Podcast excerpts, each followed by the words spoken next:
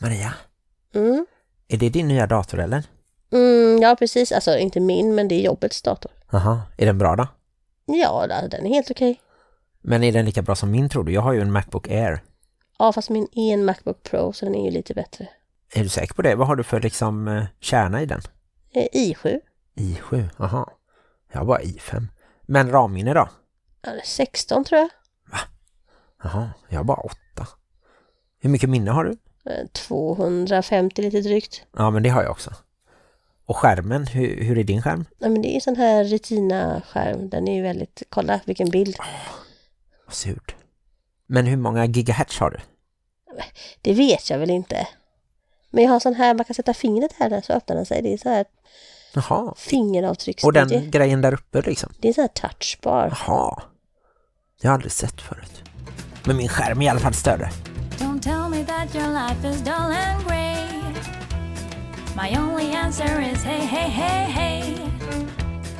Let's go crazy in the wild, and if by chance we make a child, that just means that we're alive and healthy.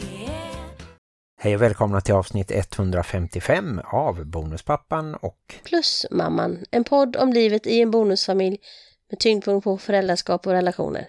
Vi sänder i samarbete med Hallands Nyheter, dagstidningen i Varberg och Falkenberg med omnejd. Dagstidningen i allas brevlådor och på nätet www.hn.se. Där har det stått lite om ditt nya jobb faktiskt. Ja, för eh, de som ringer anhöriglinjen ökar drastiskt i dessa tider. Med 50 procent faktiskt. Just det, så det var en liten intervju om det. Jag jobbar ju numera som kommunikatör på Anhörigas riksförbund och vi har en hjälplinje som heter Anhöriglinjen. Dit kan man numera också ringa dels på fler tillfällen på dagen och så kan man välja om man vill prata finska eller svenska. Just det, vi kan väl ta någonting lite kort om det. Du har gjort din första vecka på nya jobbet. Mm.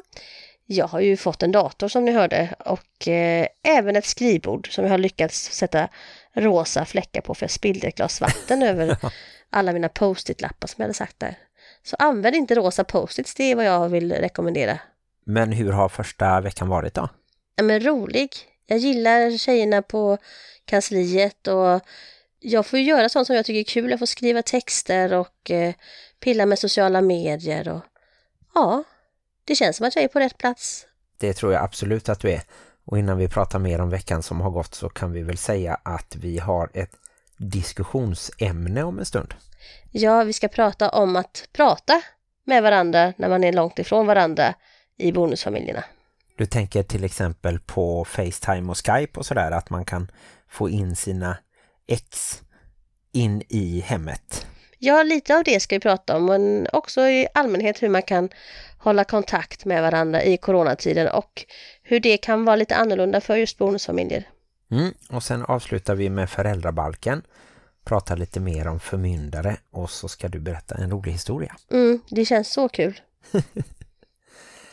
Ja, förutom eh, ditt nya jobb så har det ju varit lite färre barn denna veckan eftersom de stora tjejerna mest har varit hos sin pappa. Alltså färre och färre, det är aldrig få. Men igår natt så var det ju faktiskt bara Helle som sov här eftersom Kevin var hos sin kompis och Lycke sov hemma hos sin flickvän och Saga och Ivalin sov hos sin pappa. Så att det var plötsligt, kändes det tomt på något sätt. Våran bonusfamilj har ju blivit så extended nu för tiden. Ja, vi har varit som mest åtta personer varav sex barn då. Kevin är ju Helles storebror på sin pappas sida och din plusson, din tidigare bonusson. Precis. Och Lyckes flickvän har ju också bott här ganska mycket och i och med att de studerar hemifrån, de är ju gymnasieelever, så befinner de sig på hemmaplan ganska mycket. Men det har ju varit en ny grej här i Varberg i alla fall. Du har åkt och hämtat mat på gymnasieskolan till dem. Ja just det, de får faktiskt eh, lunchlådor som jag tycker verkar vara helt okej. Man får ju då beställa det via nätet och sen åka och hämta. Och det är ju då gratis eh, om man säger så. Vi betalar ju skatt för att de ska få skolmat så det är inte gratis. Men man får böta om man inte åker ut och hämtar dem. Om man har beställt, ja just det. Ja, och att få ungdomar att åka och hämta mat som de knappt egentligen vill ha, det kan ju vara lögn. Så det är ju du som har åkt och hämtat både till Tess och Lycke och Saga. Och jag tror inte att Saga har ätit en enda av portionerna. Men Lycka han äter väl två ibland. Ja just det, de har blivit kvar här så att jag tror att det står något i kylen faktiskt.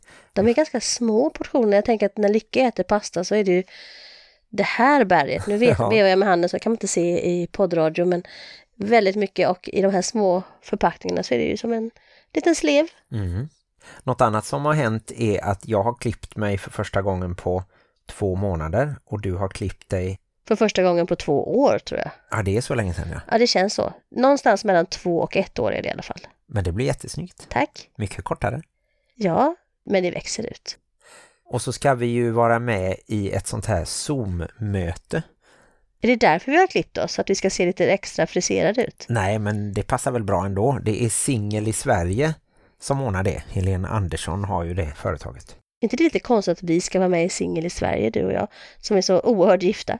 Ja, faktiskt. Men eh, jag tror att hon väljer ut lite personer som hon tycker är intressanta och så får de berätta om sina liv och vi kommer berätta lite om podden men jag tror även vi kommer berätta hur vi träffades via Tinder och så. Ja, och sen kan vi ju bidra med hur det är att leva i en bonusfamilj. Det blir det ju oftast om man träffar någon ny, kanske. Ja, och det har ju lite med podden att göra eftersom det är vårt ämne här. Spännande, spännande. Vi får se. Mm. Jag har ju intervjuat Åsa Lindhagen som är jämställdhetsminister i eh, Sveriges regering.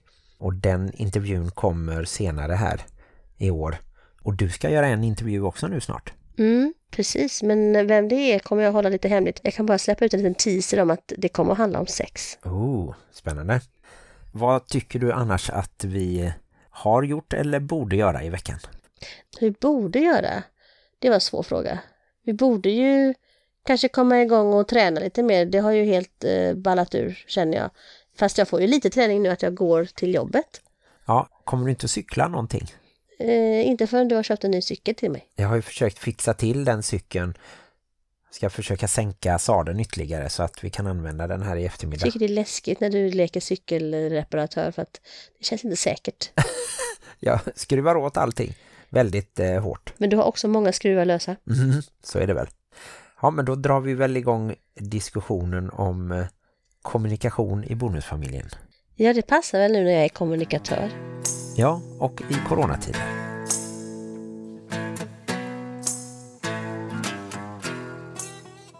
Kommunikation i bonusfamiljen var det alltså vi skulle prata om idag. I bonusfamiljen och runt bonusfamiljen, till och från bonusfamiljen. Det har vi gjort några gånger förut. Vi har bland annat tagit upp kommunikationen med de andra som vi lite skämtsamt kallar de biologiska föräldrarna som har egna familjer. Precis, men tiden går och det var ganska länge sedan. Så det kan jag bara kort summera med att den eh, kommunikationen har ju vi löst sedan tidigare i alla fall genom att ha en chatt där bonusföräldrar och biologiska föräldrar kunde se och ta del av information som rörde barnen och det tycker vi har fungerat relativt bra. Sen nämnde vi i det avsnittet att du har ibland haft mer kontakt med de andra, om man säger så. För att ibland kan det vara så att det kan vara infekterat mellan kanske de som har varit tillsammans och då kan den kommunikationen underlättas genom att då du som utomstående går in och tar den. Ja, det blir liksom lite mer neutralt och det blir ju också mer neutralt om man skickar sms än om man ringer upp. Då kan man ju ha lite betänketid innan man svarar och sådär också. Det kan dock bli lite mer missförstånd om man smsar ifall man lägger in egna röster och ljud i eh, konversationen så kan man ju tycka att någon, varför skriker den åt mig? För att en person kanske skriver med versaler för att den inte kan slå bort caps lock. ja, just det.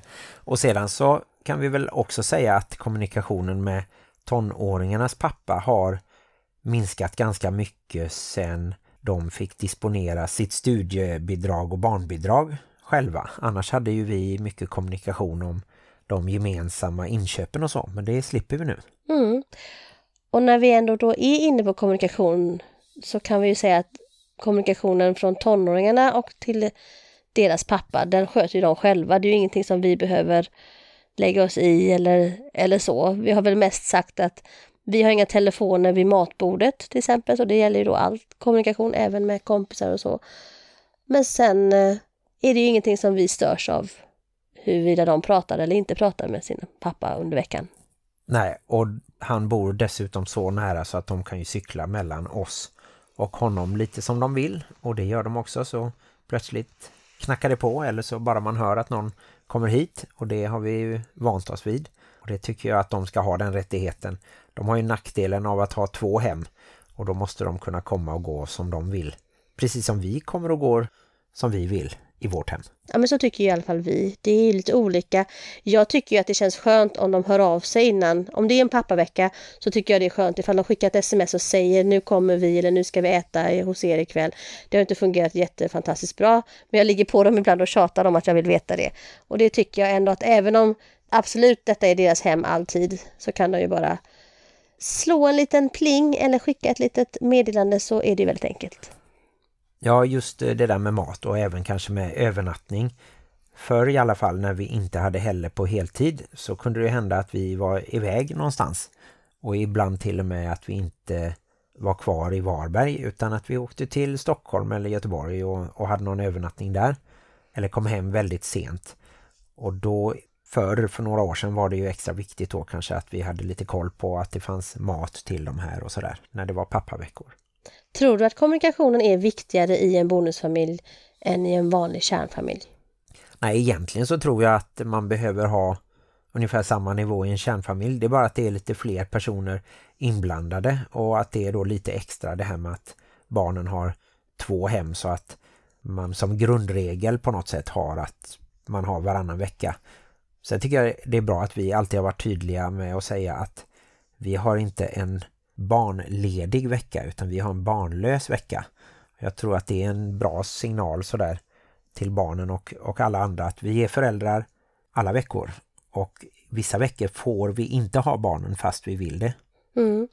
Och nu har vi ju gått in i det som fler bonusfamiljer upplever ju för att en del har ju biologiska barn tillsammans också. Så de har inte några barnlösa veckor.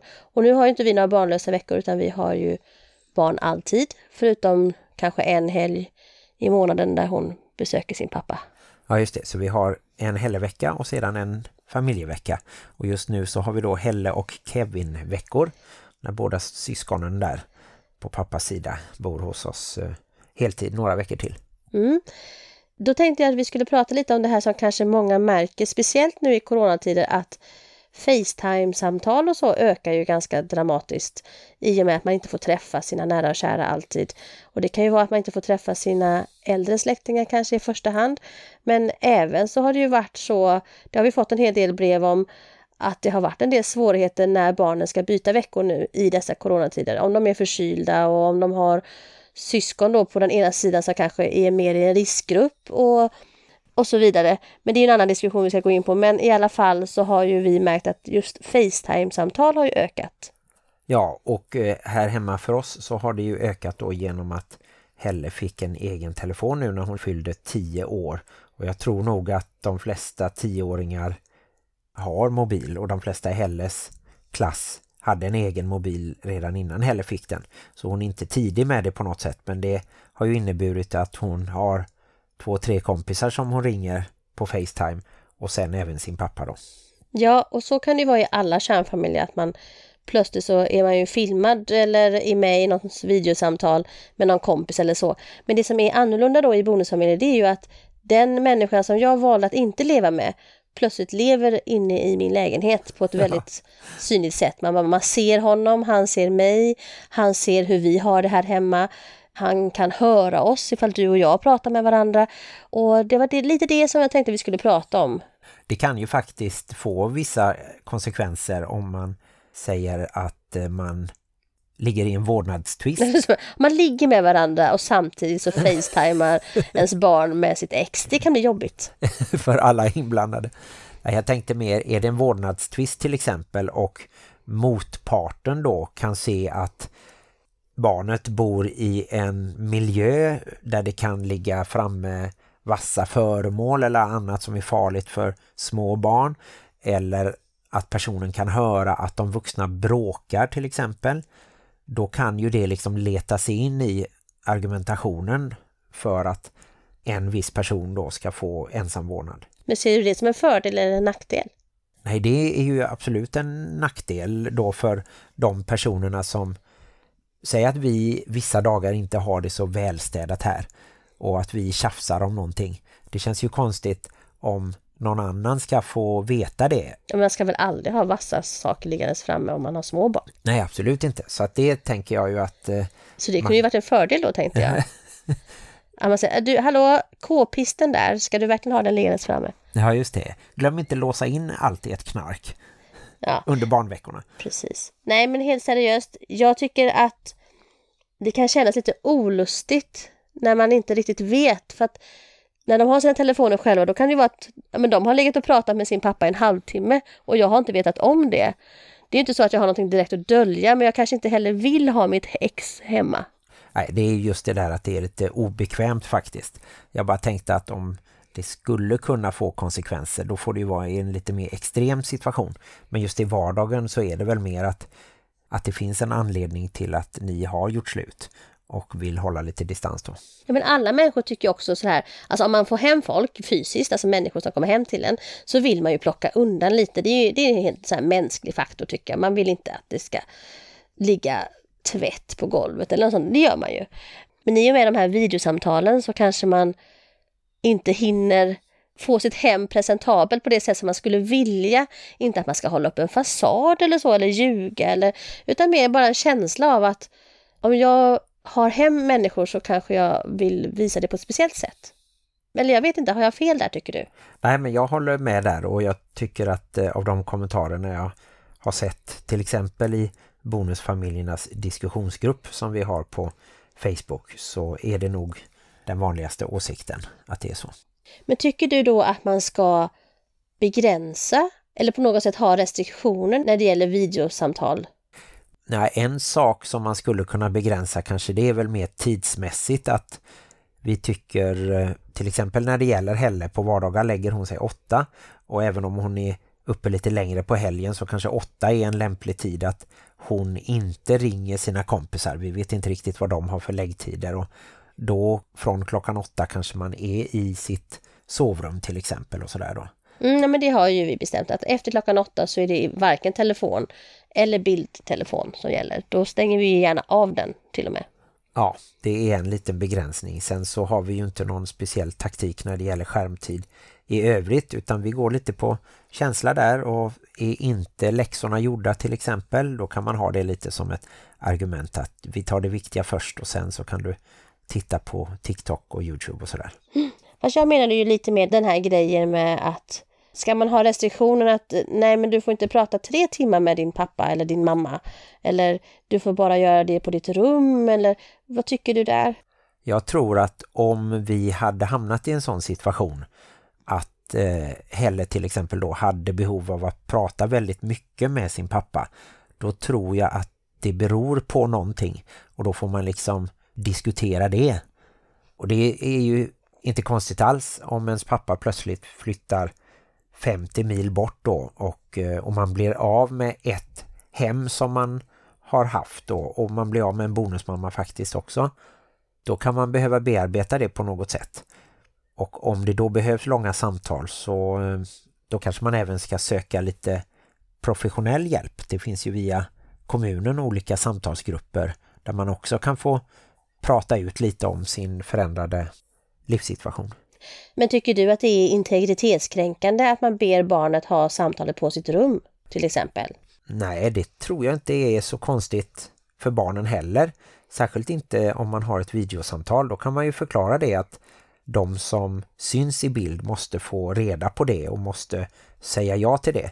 Så är det ju faktiskt när man är utomhus och kanske ska ta bilder på sig själv och kompisar eller filma någonting att även då så ska man ju se till att det inte kommer med någon person som faktiskt inte vill vara med på bild eller i en videosnutt. Vi har ju fått brev från eh, en bonusmamma som berättar att hennes bonusdotter har väldigt långa dagliga samtal med sin mamma.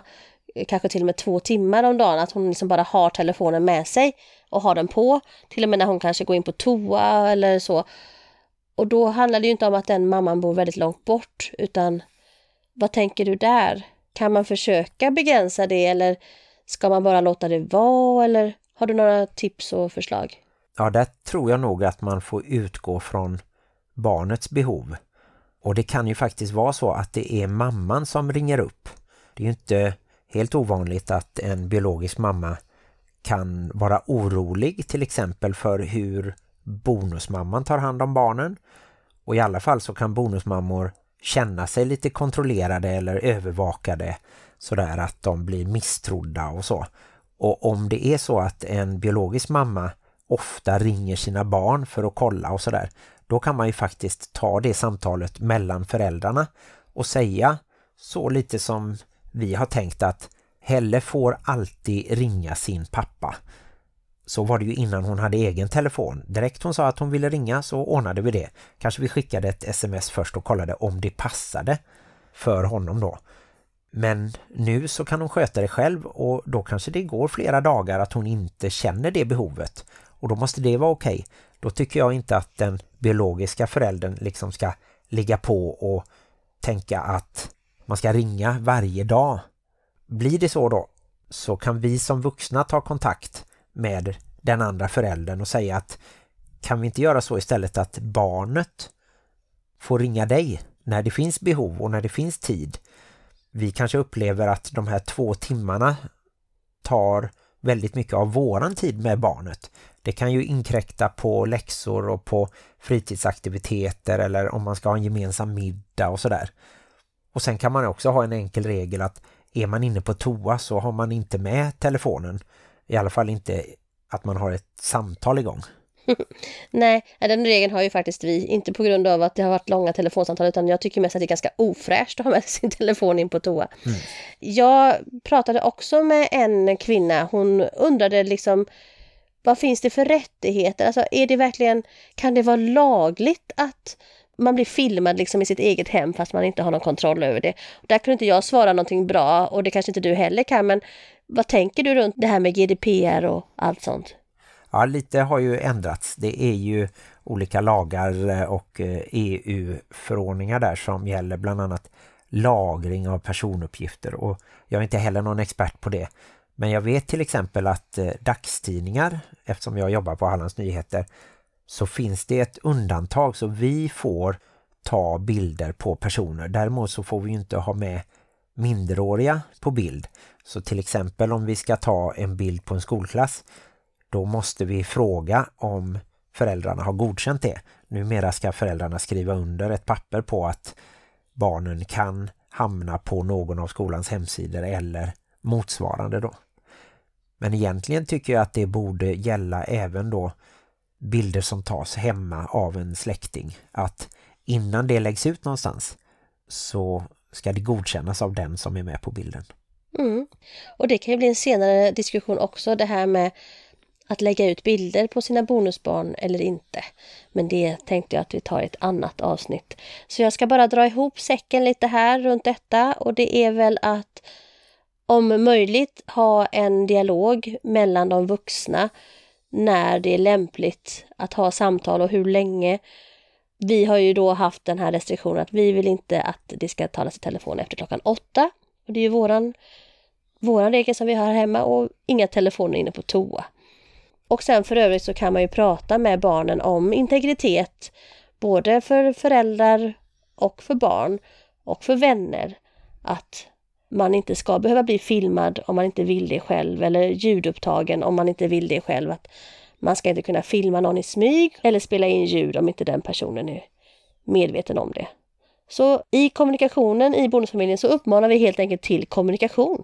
Ytterligare kommunikation runt kommunikationen om man säger så. Ja, det tycker jag låter bra också och jag tror att barn som får lite ramar kan sen förhålla sig till det. Om man till exempel då säger att du får gärna ringa men under de här förutsättningarna. Till exempel att vi vill helst att du är på ditt rum och inte går omkring i lägenheten eller huset. Eller säg till före då. Ja just det, och någon viss tid och sådär. Och märker man att det blir ohanterligt precis som med allt annat att någon tränar för mycket eller äter för mycket eller för lite eller är uppe för länge eller spelar för mycket dataspel eller allting som går överstyr då får man ta ett samtal om det och sen att man då också försöker ha kontakt med den andra vårdnadshavaren om man är två om det så att det liksom blir på en normal nivå. Då när kommunikation fungerar på vardagen så är det ju faktiskt bara en fördel att vi har telefoner och att vi även då har möjlighet att se varandra. Särskilt då som du sa i coronatiden när vi till exempel inte får träffa de äldre så mycket. Mm. Och kanske en extra uppmaning då till oss vuxna att eh, fundera över vems behov vi fyller med samtalen. Är det mitt barn eller är det jag som har ett behov av samtal? Så att man kanske inte allt för mycket inkräktar på den tiden som man faktiskt ska ha med den andra föräldern i den här varannan vecka konstellationen som de flesta bonusfamiljer upplever. Mm, det håller jag med om och jag tror också att barn i en viss ålder vill vara väldigt tillmötesgående och då kan barnet kanske till och med känna sig tvingat att svara och att prata väldigt länge om det är föräldern som vill det. Men det kan ju faktiskt vara så att föräldern mår dåligt av att en relation har tagit slut eller att det har hänt något annat och då kanske föräldern ska söka professionell hjälp och inte lägga den pressen på ett barn då. Barnet ska inte vara förälderns psykolog så att säga. Precis. Och med det avslutar väl vi detta. Eller ska vi nämna att vi inte är professionella tyckare? Eller vad säga, vi är inte professionella terapeuter eller psykologer på något sätt utan detta är som vi har sagt nu, det är ju bara som vi tycker och tänker. Ja, och så hoppas vi att eh, ni säger emot, ni som tycker helt annorlunda och hör av er till oss. Till exempel via Instagram och Facebook så kan ni skicka PM där. Eller så går ni med i Bonusfamiljernas diskussionsgrupp på Facebook och gör ett litet inlägg. Vi gillar både att ni kommer med egna idéer och säger emot och kanske håller med om någonting.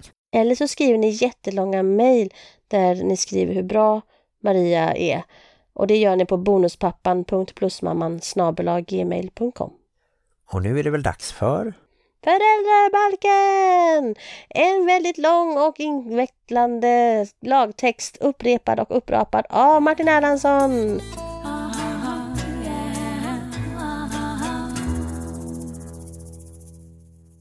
Och i föräldrabalken idag, alltså själva lagtexten, så fortsätter vi på kapitel 10 som handlar om förmyndare.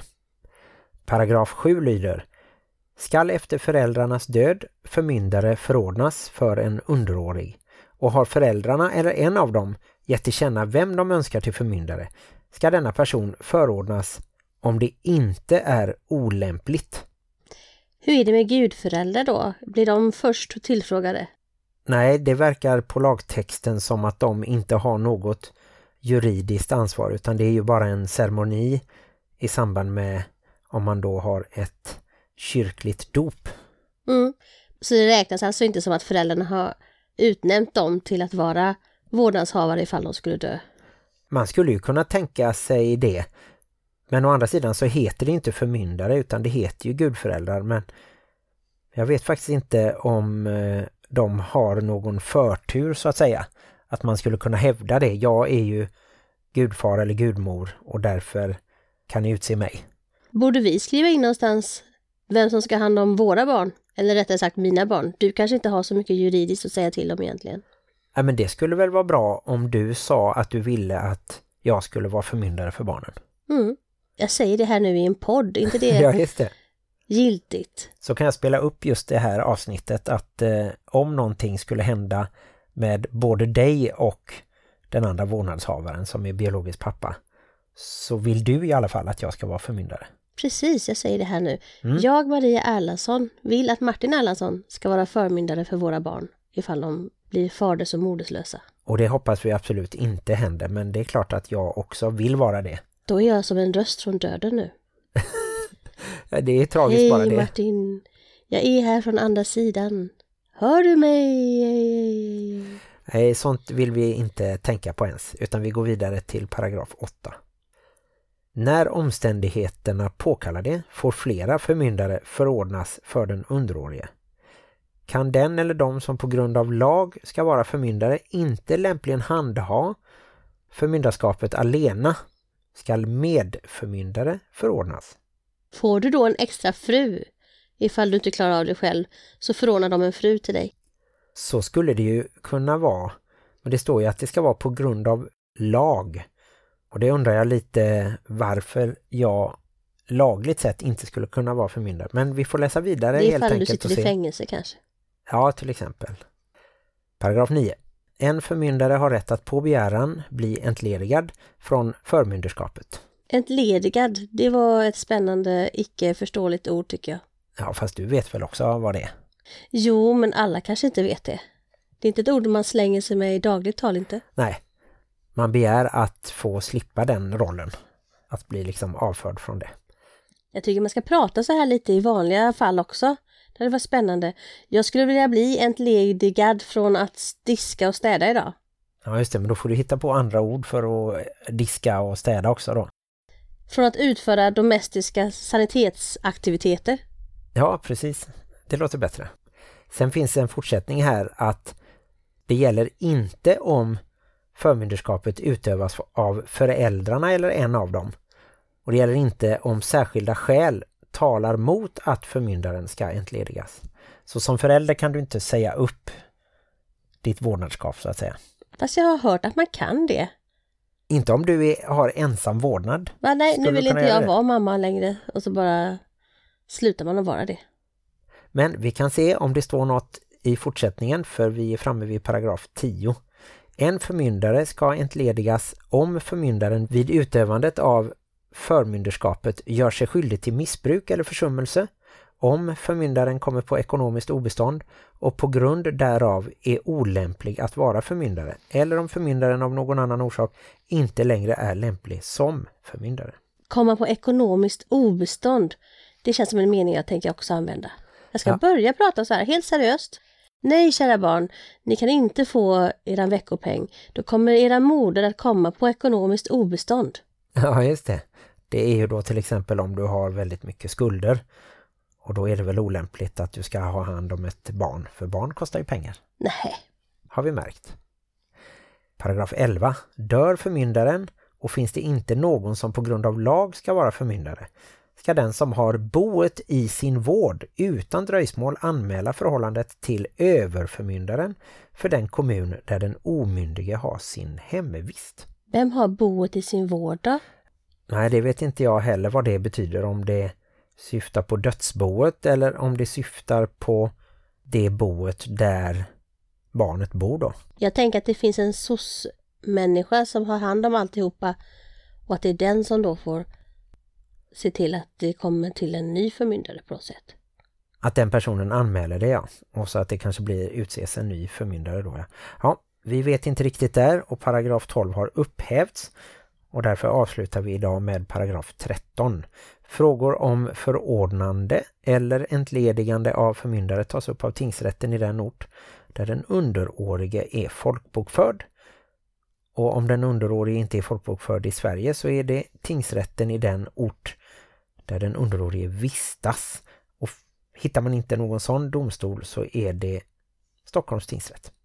Jag tycker det är väldigt spännande med de här paragraferna som har upphört. Man undrar varför de upphörde. Var de så konstiga så att de var tvungna att upphöra?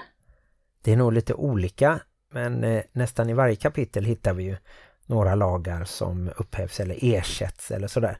Vissa kanske har blivit eh, för gamla och irrelevanta.